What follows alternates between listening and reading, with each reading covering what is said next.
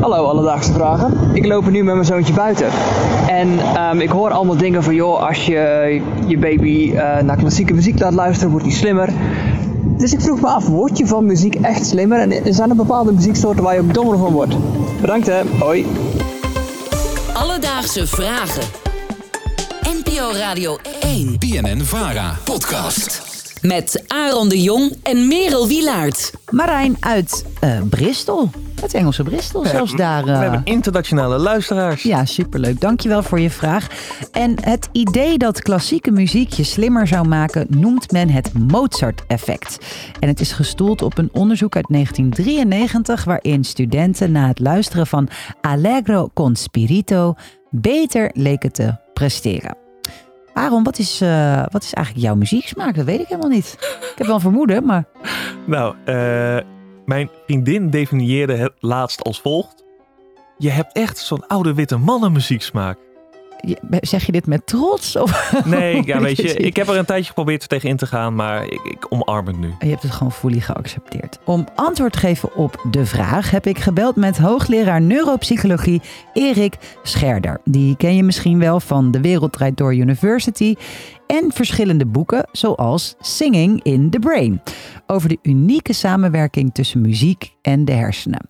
Maakt sommige muziek je nou slimmer of dommer? Nee, dat kan je zo niet zeggen. En dat komt omdat uh, het slim, het woordje slim eigenlijk al wel meteen een lastig woord is. Want het wijst eigenlijk op, ja, op een toename in intelligentie. En intelligentie bestaat uit heel veel andere functies. Denk aan probleemoplossend vermogen, goed kunnen plannen. Dat is een complex begrip. Stel dat de vraag wordt geformuleerd, zou je je beter kunnen concentreren. Aandacht kunnen geven aan dat wat je bijvoorbeeld aan het leren bent, aan de hulp van muziek. Muziek op de achtergrond moeten we dan wel meteen erbij zeggen dan zou mijn antwoord ja zijn. Als je je beter kunt concentreren, dan zou je misschien wel tot betere studieresultaten komen. Voor de goede verstaander maakt muziek je dus niet slimmer of dommer, maar het kan wel zo zijn dat jij je door muziek beter kan concentreren.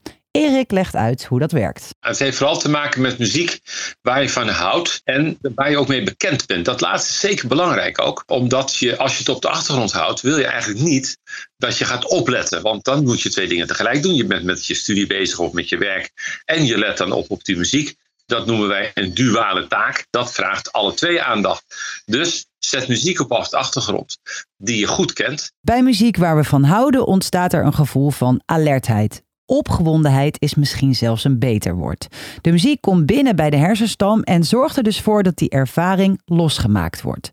Laat nou juist alertheid, oftewel arousal, een belangrijke modus zijn waarin je goed kan studeren.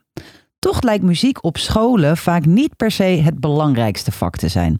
Wat Erik betreft is dat voor onze hersenen en ontwikkeling wel degelijk heel jammer als er een vorm is die altijd anders is, als je nou luistert naar muziek of je zingt of je speelt een instrument, dan is dat nooit hetzelfde, want je, elk liedje is weer anders. Dus het is een verrijking van zich ontwikkelende hersenen als je denkt aan kinderen. En het interessante is dat je dan gebieden en netwerken actief ziet worden die ook een rol spelen bij taal en rekenen. De, zeg maar, de overheid die vraagt aan, hè, de mensen die daar aan de touwtjes trekken, die zeggen: Ja, maar je vindt het niet altijd terug. Rekenen wordt niet altijd beter door, door met muziek aan de gang te gaan. Dat is, dat is een makkelijke afschuif, want uh, er zijn heel veel factoren die uiteindelijk aan het eind van een schooljaar een rol spelen bij kinderen hun schoolprestatie. Denk aan, is er een ziekte thuis, uh, ouders uit elkaar, weet ik veel wat.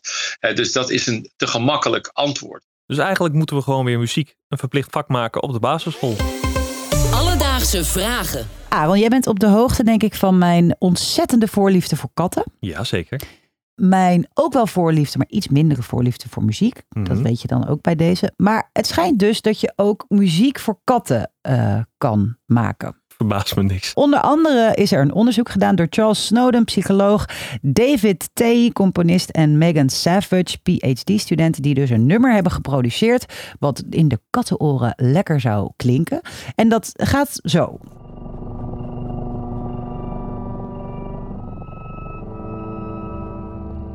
Wauw. Nou, ik moet zeggen dat ik er zelf ook wel een beetje dromerig eh, van word. Maar belangrijker is, worden mijn katten er dromeriger van? Eh, mijn kat heet Bella, die van mijn huisgenoot heet Dali. En ik heb aan mijn eh, lieve huisgenoot Bo gevraagd of hij dit even wilde afspelen. En dan kijken hoe zij erop zouden reageren. Hou me niet langer in spanning. Ik heb, dus even, ik heb het getest en ik denk dat Bella eigenlijk helemaal geen donder omgeeft. En Dali kwam eigenlijk direct naar mij toe en zette hele grote ogen op. En ja, kwam eigenlijk toch bekijken waar de muziek vandaan kwam. Maar ik denk dat hij wel... Misschien is het een generatiekloofje dit. Word je van muziek slimmer of dommer? Het simpele antwoord volgens Erik Scherder is nee. Dat kan je niet op die manier formuleren. Wel kan het zo zijn dat je je beter kan concentreren als je op de achtergrond zachtjes muziek aan hebt waar je van houdt en wat bekend voor je is. Heb je nou ook een alledaagse vraag? Stuur die dan vooral op via alledaagsevragen@radio1.nl of je kan ook in onze DM sliden op Instagram, de Instagram pagina van Alledaagse Vragen. Alledaagse Vragen. NPO Radio 1. BNN Vara podcast.